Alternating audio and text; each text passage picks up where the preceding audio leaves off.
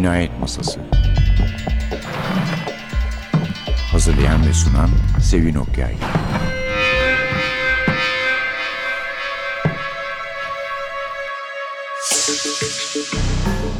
Merhaba, NTV Radyo'nun Cinayet Masası programına hoş geldiniz.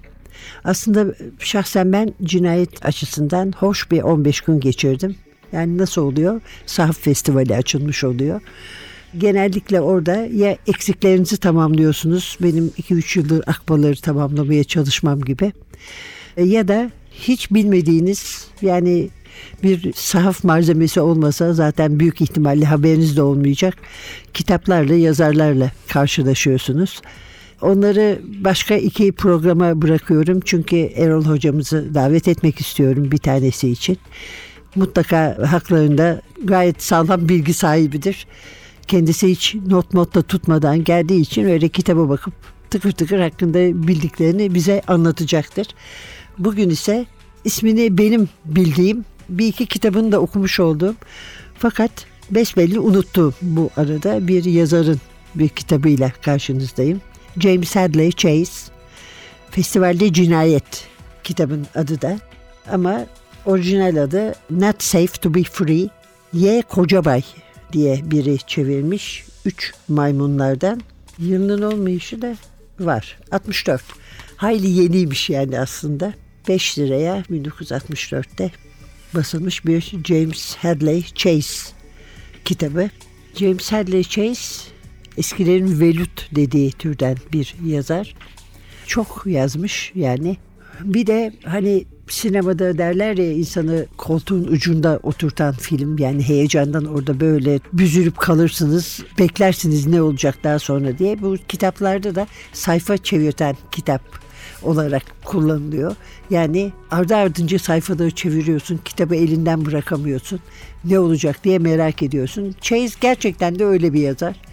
Mesela bugüne göre hayli değişik olan bu kitap festivalde cinayet de insana basmaya merak ettiriyor. Bir sonrasını, bir sonraki sayfayı, daha sonra, daha sonra ve okursunuz yani bir gecede neler olduğunu anlamak için. Bir de tabii çok hoş çünkü 50'li yıllar ve Cannes Film Festivali'nde cinayetin işlendiği festival Cannes Film Festivali.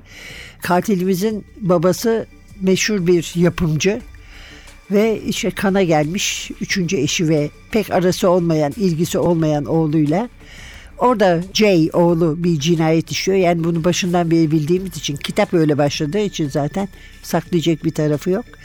Ve festivalde mesela fuayeye indiği zaman diyelim otelde çok iyi bildiğimiz insanlarla karşılaşıyor. Yanından geçip gidiyorlar da el sallıyorlar.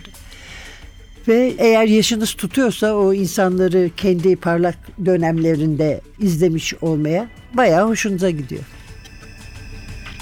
Esse...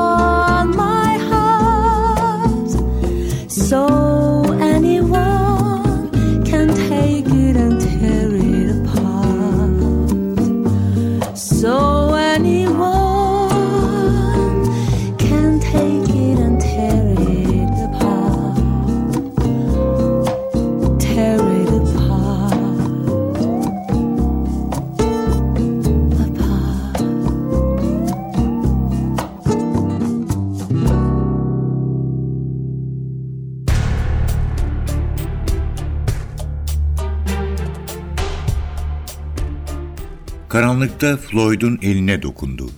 Sevgilim, bir mahsuru yoksa ben gitmek istiyorum. İçime fenalık gelmeye başladı, diye mırıldandı. Yarı karanlığa rağmen kocasının hayret dolu bakışları gözünden kaçmadı. Madem ki Sofya'yı seviyor ve onu evladı gibi kabul ediyordu, başıyla gitmesini işaret etti ve elini okşadı. Peki yavrum, dedi. Ben burada kalmaya mecburum. Sen nereye istersen git. Sofya kocasının yanağından öptükten sonra eğilip sessizce teşekkür ederek koridora çıktı. Dışarı çıkınca derin bir nefes aldı. Saatine bir göz attı, dörde on vardı. Plaza civarındaki kalabalıktan kaçmak istediği için otele uğrayarak mayosunu alıp kasinonun plajına gitmeye karar verdi. Floyd bu berbat filmden ve filmi takiben açılacak münakaşalardan saat 6'dan önce kurtulamazdı. Sofya'nın oldukça zamanı vardı. Plaza'nın salonu yine her zamanki gibi meşhur simalarla doluydu. Ağzında malum piposuyla köşeye kurulmuş olan George Simenon, son filminden bahseden Kurt Jürgens'i dinliyordu. Eddie Konstantin afilli kasketiyle Sofya'ya dostane bir selam verdi ve aşikar bir işaretle kendisinin yanında bulunmayı istediğini fakat elinde olmayarak bir prodüktörün gevezeliğine yakalandığını anlatmaya çalıştı. Michel Morgan'la Henry Vidal flaşların parıltısı altında sohbet ediyorlardı. Koyu renkli bir kıyafete bürünmüş olan Jean Cocteau sağına soluna bakmadan holukat ederek dışarı çıktı. Tanınmış menajer Henry Verne kendisini Monte Carlo televizyonunda bir program için iknaya çalışan Maris Giber'in tatlı konuşmasını tebessümle dinliyordu. Sofya resepsiyona giden yola yöneldi. 27 numaralı dairenin anahtarını istediği zaman saat tam dördü gösteriyordu. M. Delaney'i aldılar madam. Herhalde yukarıda olmalılar. Sofya hayret etti. Sağa sola tebessümle selam vererek kalabalığın arasından geçti. Asansörle ikinci kata çıkarken duvardaki saatin dördü yedi geçmekte olduğunu fark etti.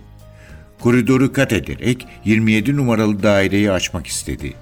İçeriden kilitliydi. Kapıyı vurdu. Ben Sofya J diye seslendi. Uzun bir sessizlik oldu. Sabrının tükendiğini belli eden bir jestle tekrar kapıya vurdu. J, kapıyı açmayacak mısın? Yine cevap alamayınca öfkeyle tokmağından tutarak kapıyı sarstı. Madam, bir arzunuz mu var? Kat garsonu yanına yaklaşmıştı. Sinirlerine hakim olmaya çalışarak, anahtarınız var mı? Bizim Jay uyuyakalmış olmalı. Evet madam. Sofya kapıyı açan garsona teşekkür edip salona girerek kapıyı arkasından çarptı.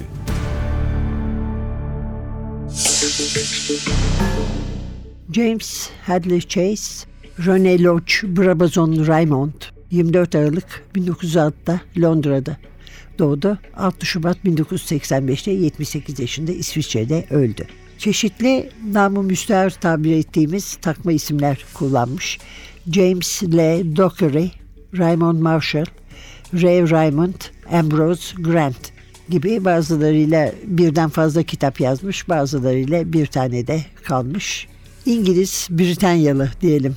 Şimdi artık öyle dendiği için bir yazar olduğunu söylemiştim. Dedektif romanlarının polisiyenin altın çağı içinde yer alıyor edebi hareket olarak. Tabii James Hadley Chase bunlardan bir tanesi ki zaten onu o isimle tanıyoruz. Herhalde Rene Lech Brabazon Raymond'un pek işe yaramayacağını düşünmüştür ama takma isimlerinden bir tanesi Ray Raymond isminin kısaltılmış aslında. Ve polisiyenin gelmiş geçmiş en iyi tanınan, en çok tanınan yazarlarından bir tanesi. 90 tane kitabı var.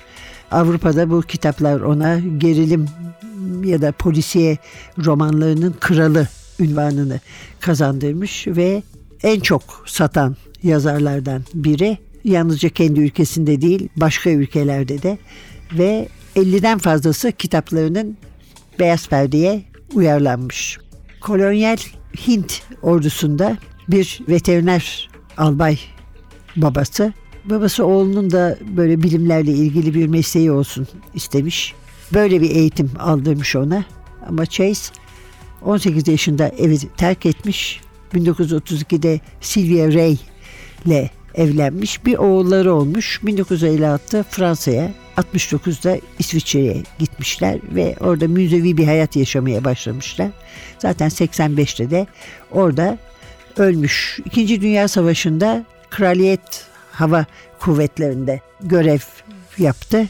Burada yaşadıklarından ve günlük ajandasından Kraliyet Hava Kuvvetleri'nin ilham olarak pek çok e, hikaye buldu, yarattı ve savaştan sonra da bu hikayeleri Slipstream Royal Air Force Anthology adı altında topladı. 18 yaşında evi terk etti evini demiştik. Satışla ilgili işlerde çalıştı ama bu satışlar daha çok kitaplar ve edebiyat üzerine odaklanıyordu. Çocuk ansiklopedileri sattı mesela. Aynı zamanda bir kitapçıda çalışıyordu. Toptan satışlar yapan, toptan kitap satışları yapan bir müessesede yönetici olarak çalıştı. Ondan sonra da yazmaya başladı zaten kendisi. Böylece savaştaki görevi dahil edebiyat dünyasının içinden hiç çıkmadı dense yeridir.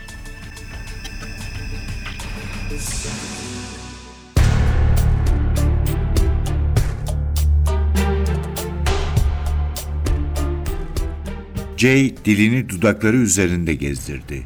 Sana anlattıklarım tamamıyla doğrudur Sofya.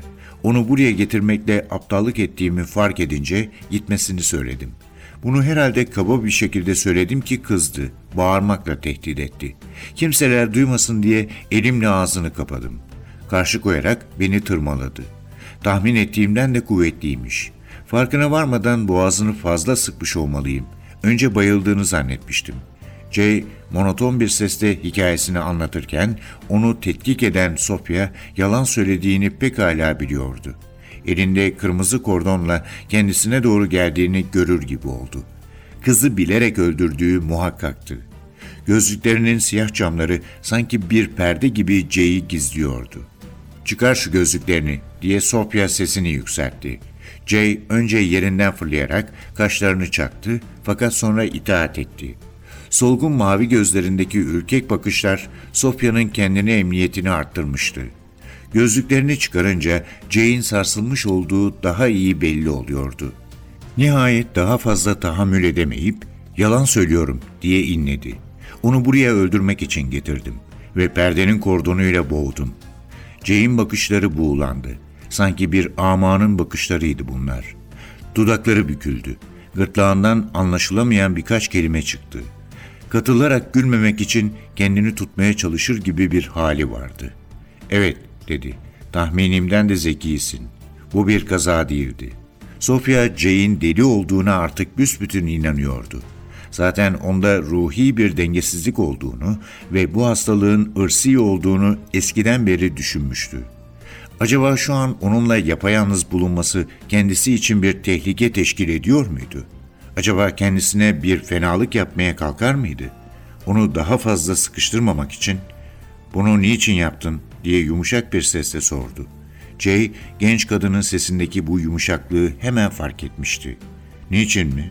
diye tekrar ederek oturduğu koltuğa yaslandı. Çünkü içim sıkılıyordu Sofya.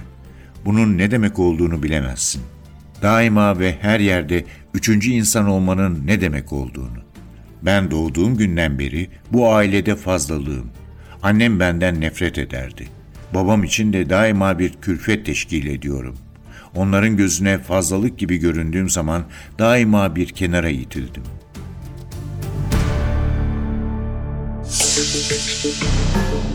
Gelelim kitabımıza. Festivalde Cinayet. Üç maymunlardan başka kitapları da çıkmış aslında. Hemen şu kitaba bakılacak olursa giriş sayfalarına. Bir tanesi Paradan Tatlı Ne Var? Bir tanesi de Uğursuz Pardesü. Elimizdeki de dediğimiz gibi festivalde Cinayet.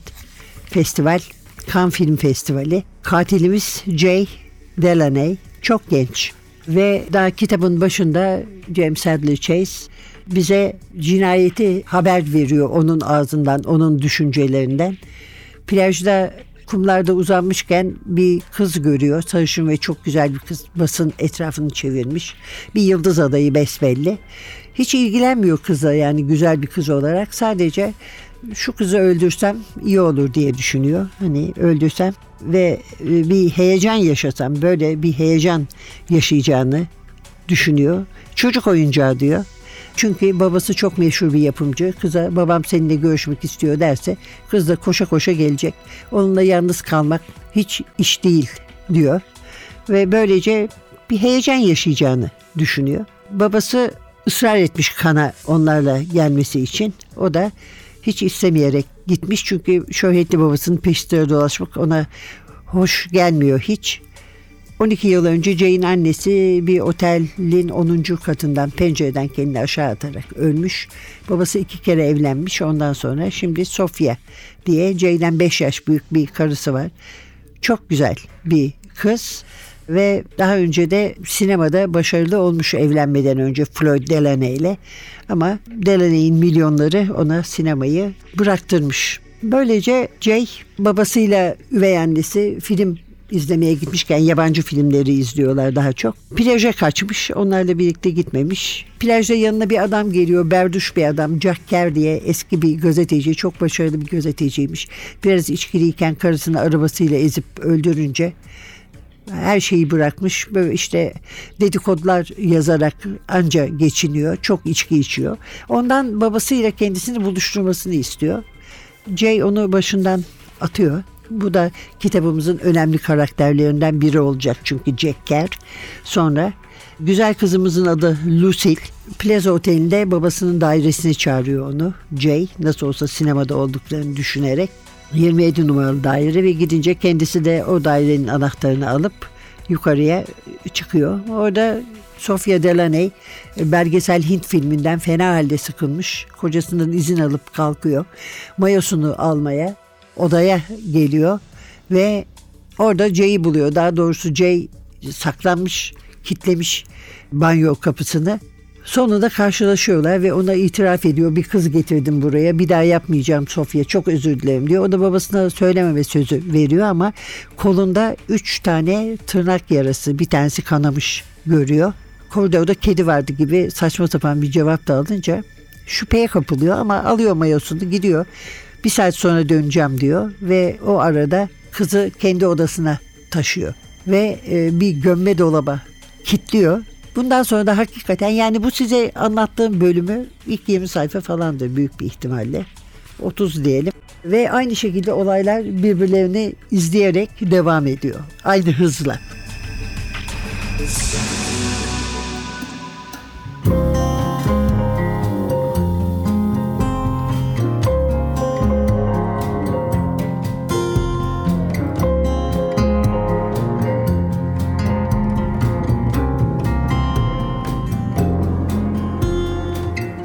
Don't tell me to stop. Tell the rain not to drop. Tell the wind not to blow. Cause you said so. Tell me love isn't true. It's just something we do. Tell me everything I'm not. Don't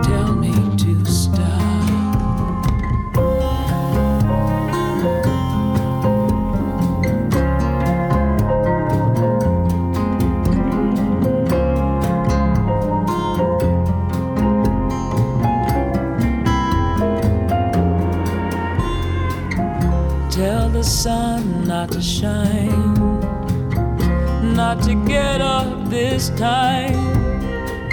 Let it fall by the way. Leave me where I lay. Tell the leaves not to turn. Don't tell me I'll learn. Take the black off a crow. But don't tell me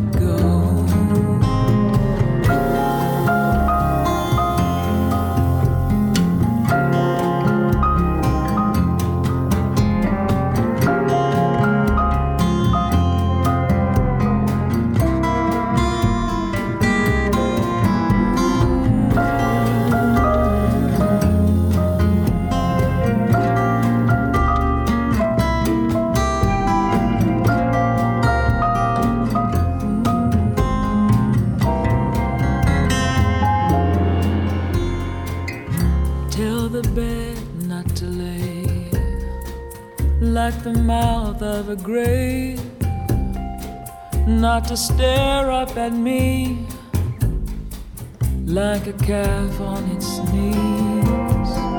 Tell me love isn't true, it's just something we do. Tell me everything I'm not,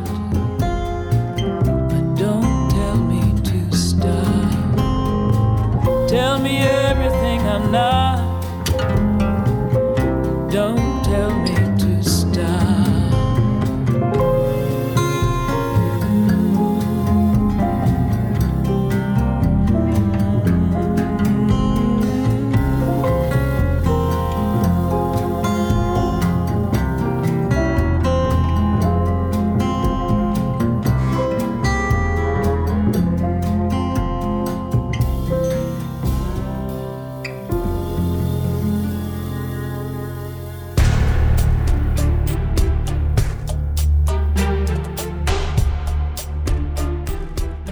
İşte burada aldanıyordu. Zira Joe Kerr, Sofya'nın asansör çağrışını, hatta korkak adımlarla merdivenin başına gidişini ve orada bir müddet beklediğini görmüştü.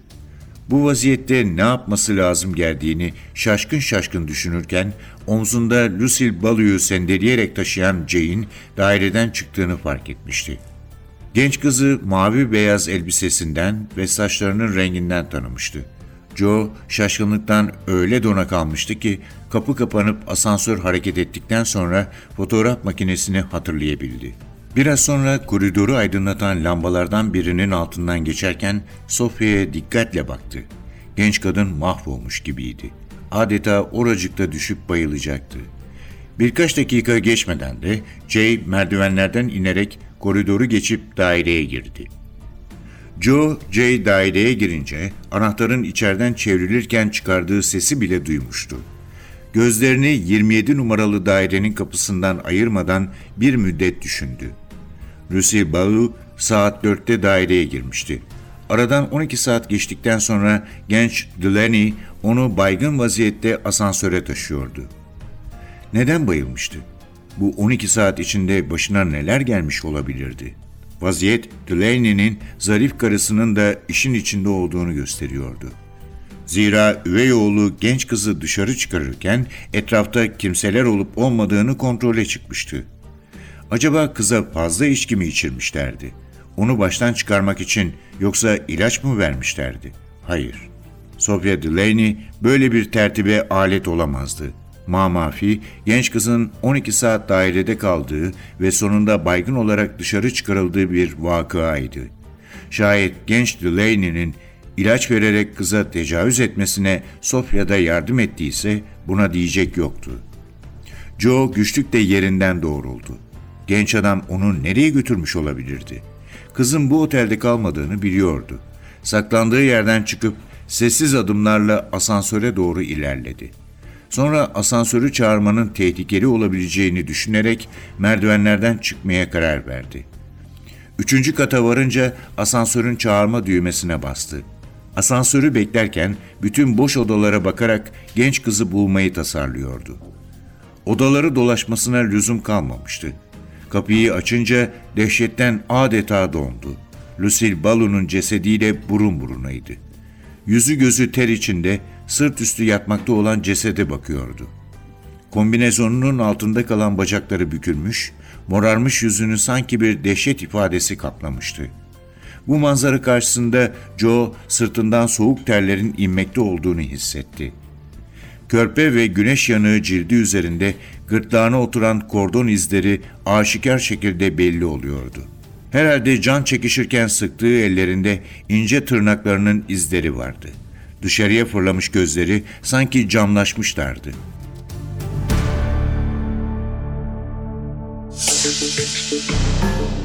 Festivalde Cinayet, Üç Maymunlar Polis Romanları dizisinden James Hadley Chase bir sahafta keşfedilmiştir. Bu arada yazarın kitaplarından No Orchids for Miss Blandish hakkında ilginç bir yazı buldum. 1939'da yayınlanmış az daha neşredilmiş diyordum. Böyle oluyor işte. Saftan alınan şeyleri fazla okursa. Fakat 1940'ta nedense daha popüler olmuş. Britanya Savaşı ve bombardımanlar sırasında Miss Blandish bir milyonerin kızı gangsterler tarafından kaçırılmış. Bu gangsterlere daha büyük bir gangster çetesi baskın vermiş. Onu devralmışlar ve babasından yarım milyon dolar istemişler. Planları parayı alır almaz kızı öldürmek ama öyle olmuyor. Çetedekilerden Slim insanların karınlarına bıçak sokmaktan hoşlanıyor. Küçükken hayvanlarla başlamış sonra insanları geçmiş. Slim iktidarsız aynı zamanda fakat Miss Blandish'ten hoşlanıyor. Annesi de ki çetenin beyni o. Oğlunu belki bu rahatsızlıktan kurtarırım diye kızın öldürülmesine izin vermiyor. Böyle başlayan bir şey ve bunu uzun uzun yazarak çok iyi bildiğimiz bir yazar incelemiş. George Orwell. George Orwell, Raffles isimli karakterle Chase'in kitabını birbiriyle mukayese ediyor. Ve yani çok isterdim size bölümler okumak. Bir 10 sayfalık falan bir yazı. Ama e, ne yazık ki öyle bir vaktimiz yok. Hatta galiba neredeyse vaktimiz yok. O zaman 100. doğum yıl dönümünde yazılan bir yazıya bir göz atalım. Chase'in heyecanının azaldığından, ona duyan ilginin azaldığından söz eden bir yazı. Kendi kuşağının gerilim maestrosu ünvanını da taşıyan kral yanında görüyoruz ki hemen hemen unutulmuş, tamamen unutulmuş bu dönemde. Onun James McCain'in postacı kapıyı daima iki kere çalar. The Postman Always Rings Twice'ını okuduktan sonra polisiye gerilim yazmaya karar verdiğini görüyoruz. Amerikan yazarlarından bu janrdaki çok etkilenmiş. Hiç gitmemiş halbuki o sırada Amerika'ya. Amerikan argo sözlükleri almış, haritalar ve referans kitapları ve böylece 6 haftada ilk romanı No Orchids for Miss Blandish'i yazmış 1939'da. Londra'da basıldı, çok büyük başarı kazandı ve hala da gelmiş geçmiş en çok satan polisiyelerden birisidir. Pek çok Avrupa ülkesi, Güney Amerika, Kanada, Japonya ve Rusya'da da gayet iyi satmıştı. 32 dile çevrilmiş zaten kitapları. Evet, gerçi zamanının en iyilerinden biriydi James Hadley Chase ama görüyoruz ki daha 10 yıl önce, tam 10 yıl önce yazılmış bu yazı. Unutulmuş, unutulmaya yüzde tutmamış, basbayağı unutulmuş. Onun için biz de sahafta kendisiyle karşılaşınca hiç değilse dedik tamamen unutulmaya ilaç olamayız ama James Hadley Chase adı da programımızın ajandasında yer alsın. Önümüzdeki hafta yeniden buluşmak umuduyla mikrofonda Sevin, masada Atilla. Hepinize böyle küçük hazinelerle dolu bir hafta dileriz. Hoşçakalın.